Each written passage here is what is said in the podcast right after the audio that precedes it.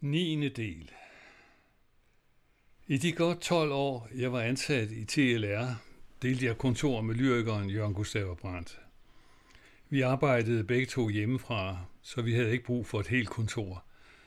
Men når vi mødtes ude på bryggen, var det altid en nydelse at lytte til ham, være prøvesten for hans nyeste indfald, og hans mundre og bredtfavnende livsvisdom, som især præger hans tidlige digte – og efter min mening kulminerer i mit hjerte i København. Som ung mand havde han haft rollen som hofnar hos Guds kammerpige Karen Bliksen, og jeg tror med sikkerhed at kunne sige, at han var den eneste af de litterære koryfærer, herunder Torgild Bjørnvig og Henriksen, der kom for denne rolle uden skrammer, sandsynligvis ovenikøbet købet klogere. For mig var Jørgen Gustav Brandt et af de befriende bekendtskaber i TLR – og inspirerede netop derfor Viggo til at udvise en dyb jalousiborgen foragt. De var begge to personligheder, der skilte sig ud fra den grå masse af litterater og dramaturger, der færdedes på afdelingens gange og producerede sig, som man siger på tysk. Og sådan stod sagerne i tiden op til 1985. Jeg havde på det tidspunkt vundet tre internationale priser, og jeg vil uden falsk beskedenhed hævde, at det er en rekord, der ikke siden er slået. Og jeg følte mig forholdsvis sikker i min stilling. Mit forhold til Viggo Clausen, som i de første år havde været godt, var ganske vist blevet noget flosset, men efter min mening ikke faretruende flosset. Nu, efter så mange år, kan jeg se, at vores konflikt faktisk var begyndt i det øjeblik, jeg i 1974 blev fastansat. Man oprettede en ekstra stilling til mig, efter jeg som den første havde modtaget Krygerprisen, og det var Vigo, der skrev indstillingen. DR's ledelse fulgte hans anbefaling, men jeg tror ikke, at Vigo rigtig havde gennemtænkt, hvad en fastansættelse ville betyde for en freelancer. Jeg blev pludselig uafhængig af ham, og uafhængighed var ikke noget, Vigo holdt af. Ikke kun åbnede jeg med fastansættelsen min egen lille butik, jeg begyndte også efter nogle år at rejse ud i verden og optage mine montager der. Som fastansat havde jeg frihed til at foreslå mine montager til internationale konkurrencer, og det gjorde jeg først med pæne folks børn, der ikke vandt noget, og derefter med døden i bjergene, der vandt på Italia. Jeg havde tidligere foreslået Vigo, at vi i TLR skulle sende noget til Britalia, men han mente ikke, at vi, i parentes jeg, var gode nok til at kunne deltage. Han havde selv deltaget som observatør og fortalte lidt hånligt om det års vinderprogram, Peter Leonhard Browns Klokker i Europa, at programmet var som en skinnende limousine, men kiggede man ind i det, var der ingen chauffør. Et eller andet ved Klokker i Europas pompøse lydatmosfære havde fornærmet hans danske sjæl. Programmets lommefilosofiske tekst bidrog yderligere til hans afsmag. Alligevel ville han ikke, eller turde han ikke vise vores, mine, mindre blærede montager frem for et internationalt publikum. Hvorfor han savnede det mod, undrede mig, især fordi han på hjemmebanen pralede stort med netop den danske montages kvaliteter.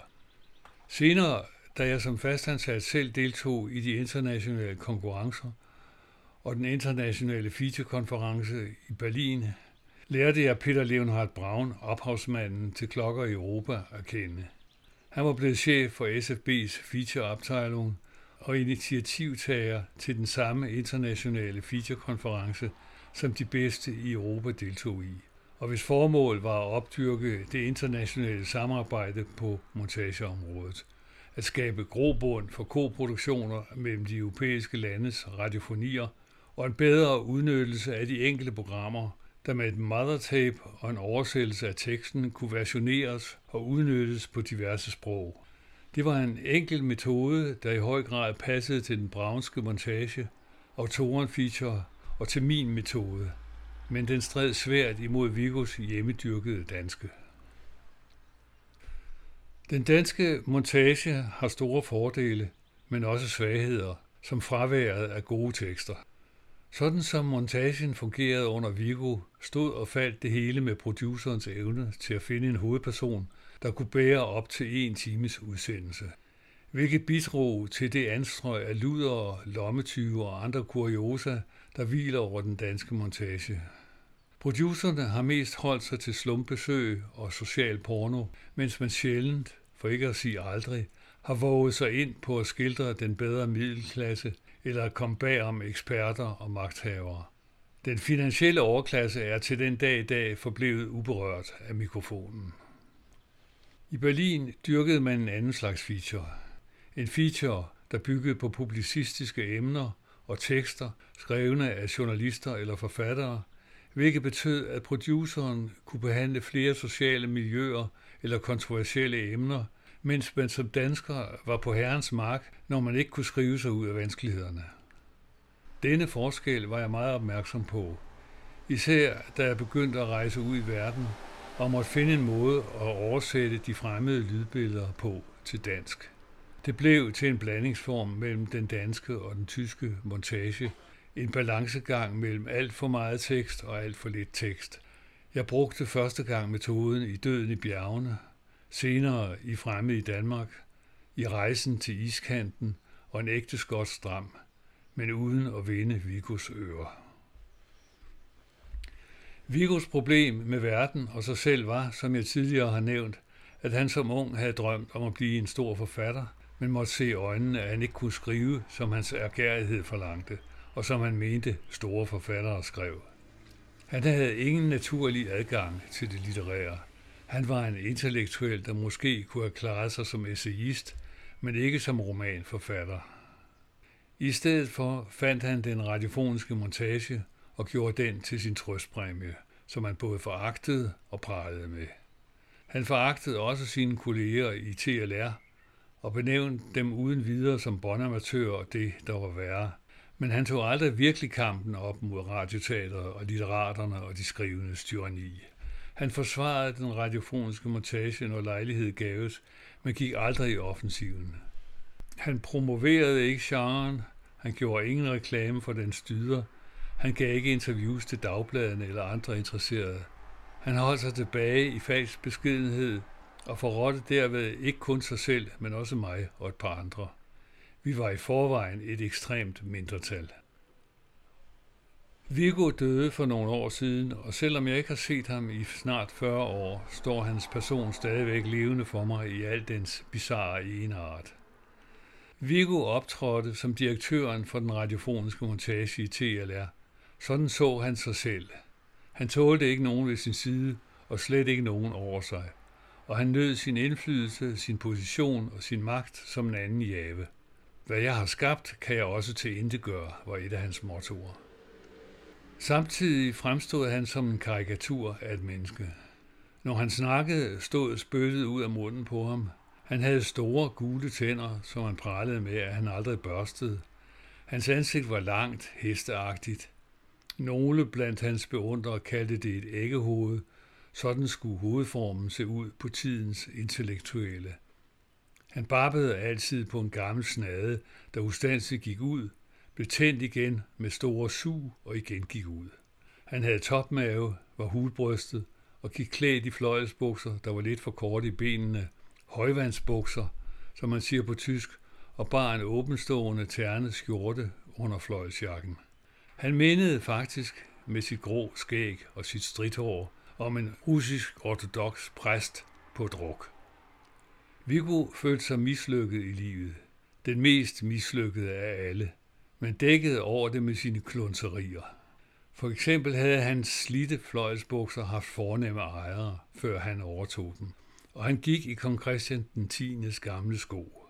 Hans fløjelsjakke havde tilhørt en departementschef i Udenrigsministeriet, eller måske var det digteren Ivan Malinovsky, jeg husker det ikke, men Viggo sørgede altid for, at der hang en aroma af hjemløs klunser omkring ham, når han i sine drukperioder ankom med dampende Chateauberg i piben og klirrende ølflasker i tasken. Jeg ved faktisk heller ikke, om han tog bad, eller hvor ofte, men jeg ved, at han som mange mennesker hele sit liv sloges med sin hang til alkohol og sin smag for unge kvinder. Men ingen tvivl om hans forstand. Han var begavet, han sagde kloge ting, og under særlingerollen var han brilliant. Jeg så ham i bibelsk forstand meget tidligt og i fuld figur. Det skete omkring 1970, en dag, da TLR's daværende programchef Jørgen Claudi, stod ude på gangen og talte med et par medarbejdere. Viggo kom tøffende forbi med sin snade, lang og krumrykket, og fortalte en historie om en eller anden talentløs forfatter, som han havde måttet redde stumperne for. Og imens han fortalte, stak han sit hoved så tæt op til Claudis, at denne måtte trække sit tilbage, for ikke at få sine rødmossede kinder vandet af Vigos fine spyt. Ellers reagerede han ikke sønderligt. Måske var han vant til Vigos vanding. Hvad ved jeg? Jeg ved kun, at hver, der talte med Viggo, altid kom lidt vådere bort, end han var kommet. Men det var ikke det, der generede mig mest. Det var slæskheden, det krumrykkede, underdanigheden. Jeg kunne ikke se, at der var grund til at opføre sig sådan, når man talte med sin overordnede eller med fremmede. Men nu skete det. Det snærende forsvandt fra stemmen. Han var lutter smil og smirende toner. Måske beroede det på gamle minder om dengang mikrofonen blev frataget ham. Men sådan en mand var Claudi ikke. Han var en gammeldags, venlig og høflig herre, der lyttede til alle. Men hvad var så grunden til Vigos underdanighed? Var det hans opdragelse i et højborgerligt hjem med en gammel far og en yngre mor? Var det derfra, at Vigos blanding af underdanighed og frækhed stammede? Jeg ved det ikke, og det er heller ikke værd at bore i. Jeg hørte kun hans forlorene ros eller kritik. Den sad dybt i mine ører. Sådan var han, en begavet mand, der altid brugte skjold eller lokumsbræt. Måske bedømmer jeg ham for hårdt. Med årene har jeg måttet indse, at min egen stemme er skåret over samme list. Vigos berømmelse som radiokunstner hviler på et meget smalt grundlag. Kun tre programmer. Bunkebryllup, Selskabsrejsen og Klassekammerater. Disse tre programmer er noget helt særligt. De blinker af en energi, der gør dem til tidløse klassikere og udstiller samtidig både Vigos værste og bedste sider. Viggo vågede at vise sig med al sin stemmes falske hjertelighed. Sådan var han bare, en intellektuel hykler, min mentor, en faderskikkelse og en forræder. Men som de siger i whiskybranchen, det er urenhederne i whiskyen, der giver smagen. I de godt 16 år, jeg kendte Vigo, smirede og smurte han sine freelancere om munden, indtil de kom med deres lydoptagelser. Hvis de ikke levede op til hans forventninger, var han ubarmhjertig. Han tog ganske enkelt materiale fra vedkommende og klippede og mixede det selv, hvis det duede. Der var mange eksempler på dette. Per Bredvads montage af kolossal betydning er klippet færdig af Vigo. Annette Johansens Santana-montage, han har lovet at skrive, er klippet af Vigo. Også talentfulde producerer som Peter Christiansen kom ud for den slags. Vigo klippede nådesløst Peters to timer lange version af folkestrækken ned til en time, hvilket ikke kun var en grov krænkelse af Peters copyright, men også et brud på god skik og brug. Han lod også den forkortede folkestrække udsende under Peters navn, uden så meget som at nævne, at den var forkortet, og efter Peters mening maltrakteret af Viggo Clausen. Dette indgreb førte til livslangt fjendskab mellem de to. Viggo forsvarede sine indgreb med sin ret som redaktør, og han plejede at tilføje, at i øvrigt bliver alting bedre at blive forkortet. Han brugte også andre undskyldninger, for eksempel at vedkommende freelancer ikke havde overblik over sit stof. Derfor var han nødt til at tage det fra ham. I nogle tilfælde var forklaringen sand, men ikke i alle. Det afgørende var, at Viggo kunne tillade sig den slags, fordi hans freelancere var økonomisk afhængige af ham, og både forfængelige og naive nok til at pynte sig med Vigos lånte fjer. Især da Viggo blev ældre, blev han afhængig af at have folk ude i virkeligheden, der kunne lave fodarbejdet. Per Bredvad var en af de freelancere, der arbejdede under sådanne uklare betingelser og gik i stykker på det. Ikke kun hans montage af kolossal betydning, men stort set alt, hvad han forsøgte sig med, blev klippet færdigt af Viggo. Indtil Per en dag sprang ud fra et vindue på første sal, måske ikke direkte på grund af Viggo, men fordi han havde fået diagnostiseret kræft, og derved brækkede sin rygsøjle. Jeg besøgte ham på hospitalet og husker tydeligt den sårmodige skikkelse i den hvide seng med et ansigt fuld af vildt voksende rødt skæg. Kort tid efter døde han. Karl Johan Mikkelsen, Annette Johansen og andre arbejdede under lignende forhold. Jeg blev heldigvis aldrig udsat for den slags. Måske mente Viggo, at jeg var for talentfuld, og at jeg havde overblikket. Hvad ved jeg? Han talte aldrig om det, men jeg er sikker på, at han de første mange år beundrede og misundte mit arbejde og holdt sig til kritikerens rolle. Når noget mishagede ham, sagde han det. Han foreslog forkortelser og hamrede i begyndelsen ind i mit magisterhoved, at jeg skulle starte en medias res.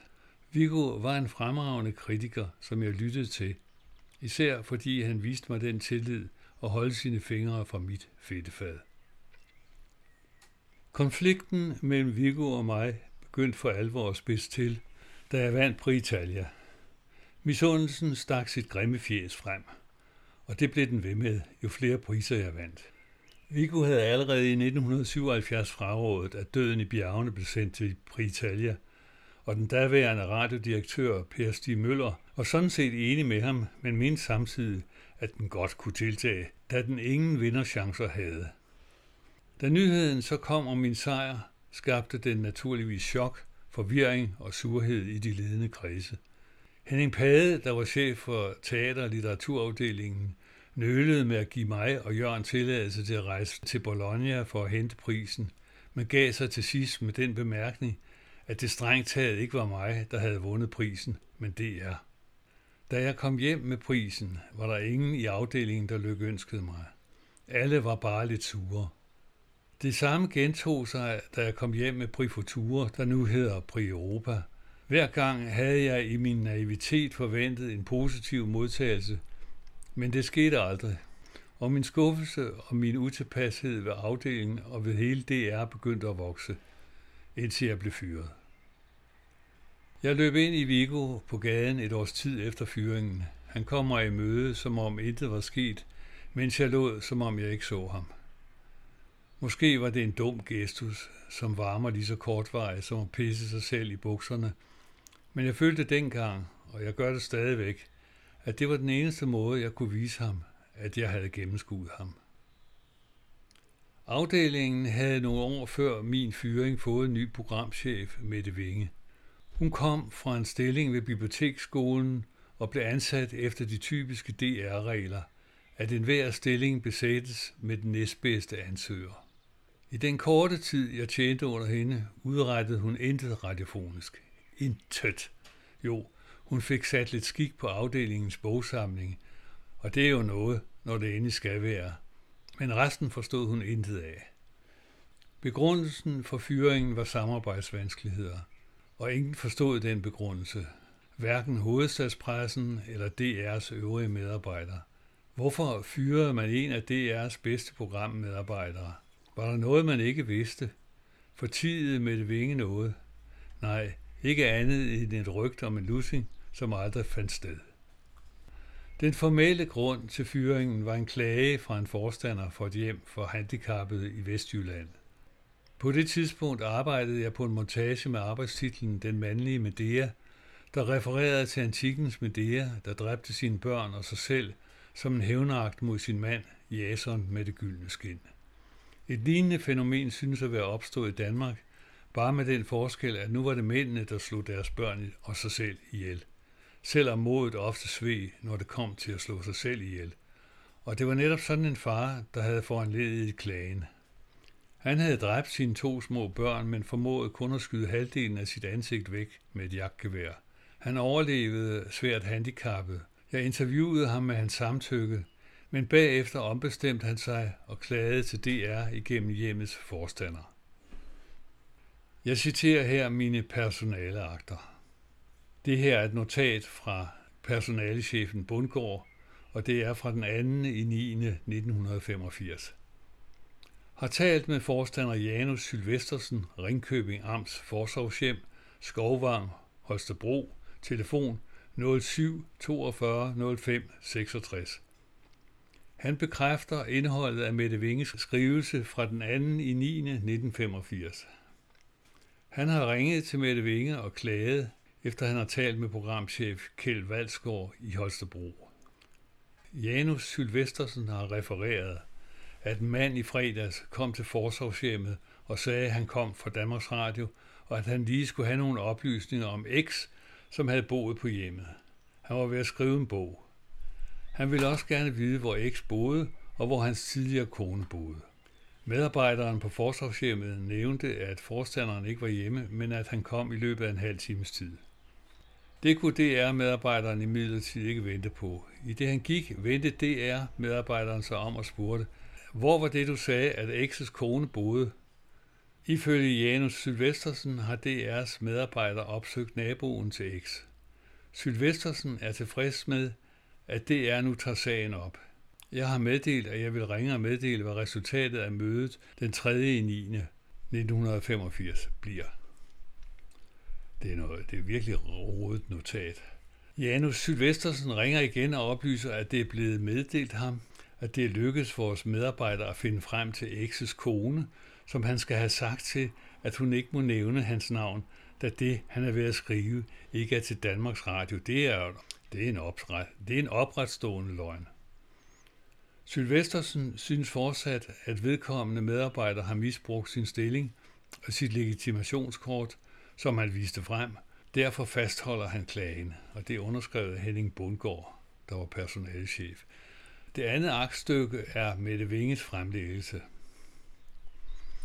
Og jeg ville gerne kunne læse med Mette, Mette Vinges sådan lidt skingere stemme, øh, sådan hesteagtige, vrinskende øh, lyde, som hun omgav sig med, men det kan jeg ikke. Jeg bliver nødt til at læse den ganske normalt.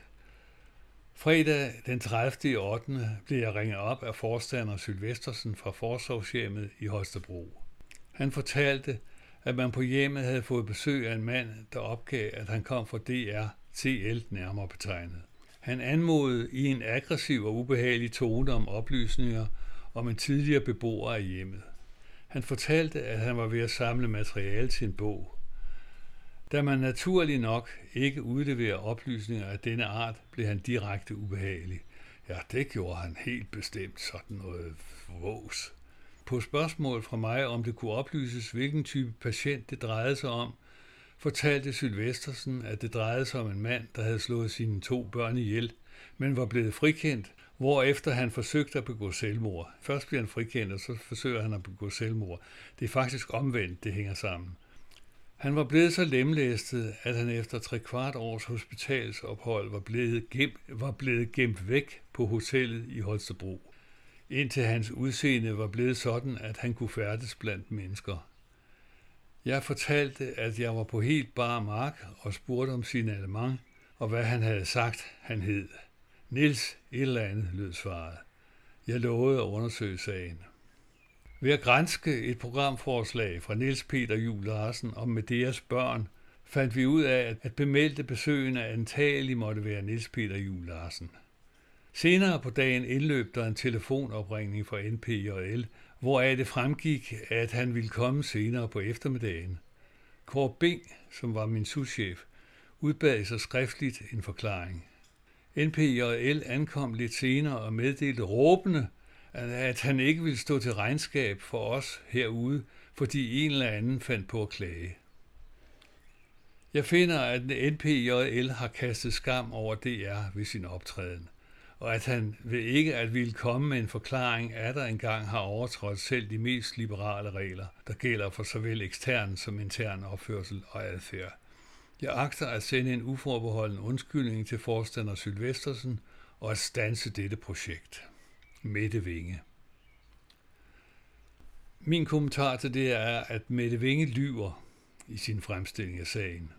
Hun bad mig på intet tidspunkt om min version af sagen. Det er heller ikke rigtigt, at optagelserne ikke var beregnet til DR, som personalechefen påstår.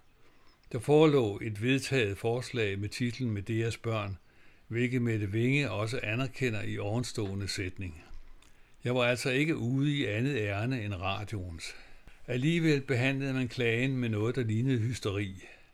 Jeg havde ifølge Mette Vingen kastet skam over DR, og var aggressiv og ubehagelig, hvilket ville være meget tåbeligt af mig, især fordi det, det drejer sig om at få folk til at åbne sig, og det kan altså ikke nytte noget, at man er aggressiv og ubehagelig, når man er ude i DR'erne. Så er man flink og rar og imødekommende. Hun fandt emnet frastødende i øvrigt, selvom afdelingen havde vedtaget det og forbød, at jeg arbejdede videre med det. Hun undskyldte en år over for forstander Sylvestersen på mine vegne, hvilket jeg hverken er eller var indforstået med. Stoffet, jeg optog, er siden omsat til en skriftlig fortælling, Den mandlige Medea, i min essaysamling i det fremmede. Dertil må jeg medgive, at mit eget temperament heller ikke hjalp. Til mødet hos personalchefen blev jeg ledsaget af min fagforeningsformand, som jeg havde bedt om ikke at blande sig. Og jeg brugte de første 20 minutter til at udlade min vrede over Mette Vinges inkompetence og min skuffelse over afdelingens hårdt arbejdende programmedarbejdere, der som regel mødte op på arbejde mellem kl. 10 og 11 om formiddagen og gerne forlod afdelingen ved 15-tiden. Flere af dem i beruset tilstand. Jeg tilføjede, at jeg fandt det urimeligt, at man spildte min tid med at indkalde mig til et ligegyldigt møde, der betød, at jeg måtte aflyse interviewaftaler i Jylland. Resultatet var afgjort på forhånd. Jeg havde ikke lyst til at tåle mere. Personalchef Bundgaard afbrød mit raserianfald med ordene. Nu forstår jeg dig godt med det. Til mig sagde han, du er fyret. Jeg sagde tak med et stort grin og forlod mødet. Jeg hentede mine personlige ting på mit kontor og tog hjem, hvor min kones reaktion burde have advaret mig. Senere hørte jeg, at Viggo dagen efter min fyring havde kastet sig over de nagrabånd, jeg havde liggende på mit kontor. Gamle nagrabånd er sammenlignet med personlige breve. De egner sig sjældent til offentliggørelse, hvilket ikke afholdt ham fra at snuse rundt i dem, som om de var en tæves urinsignaler. Mette Vinge fik heller ikke rigtig noget ud af det. Hun blev fyret nogle år senere og begyndte at skrive dårlige romaner, samt at anmelde til politikken, hvor hun heller ikke kunne holde op med at tage hævn over mig. Tilbage står spørgsmålet, hvorfor lod jeg mig fyre uden at gøre modstand? Jeg kunne have gjort meget for at forsvare mig. Hvorfor lod jeg raseriet løbe af med mig? I dag kan jeg se, hvorfor det skete. Jeg kan se de selvdestruktive træk, der ikke dengang stod så klare. Det gamle krigstraume, eksistensforskrækkelsen. Men dengang var det en følelse af lede ved TLR. Jeg ville ikke tilbringe resten af mit arbejdsliv i en fjendtlig atmosfære. Jeg havde naturligvis ikke regnet med, at min daværende kone ville søge skilsmisse. Vi havde andre aftaler indbyrdes. Det stod mig heller ikke klart, hvad der ventede mig, da jeg flyttede til Berlin. Ikke mindst, fordi de første år dernede var meget succesrige. Jeg vågner i det rosenfingrede daggry i San Juan del Sur og går ned til havet. Et par fiskere står i strandkanten og kaster deres net ud. Jeg bader sammen med en flok sultne pelikaner. Terneagtige havfugle med spaltet hale kredser over os, og jeg må bevæge fødderne meget forsigtigt hen over sandbunden, for ikke at blive stukket af en stingræg. Nu ligger jeg ude i brændingen mellem pelikaner og andre søfugle og stiger op på en kæmpe statue af Jesus øverst på forbjerget. Han står med udbredte arme og velsigner vinden og havet og menneskene, mens jeg betragter ham med en følelse af gru. Statuen kunne styrte ned over stranden og dens gæster under et jordskælv.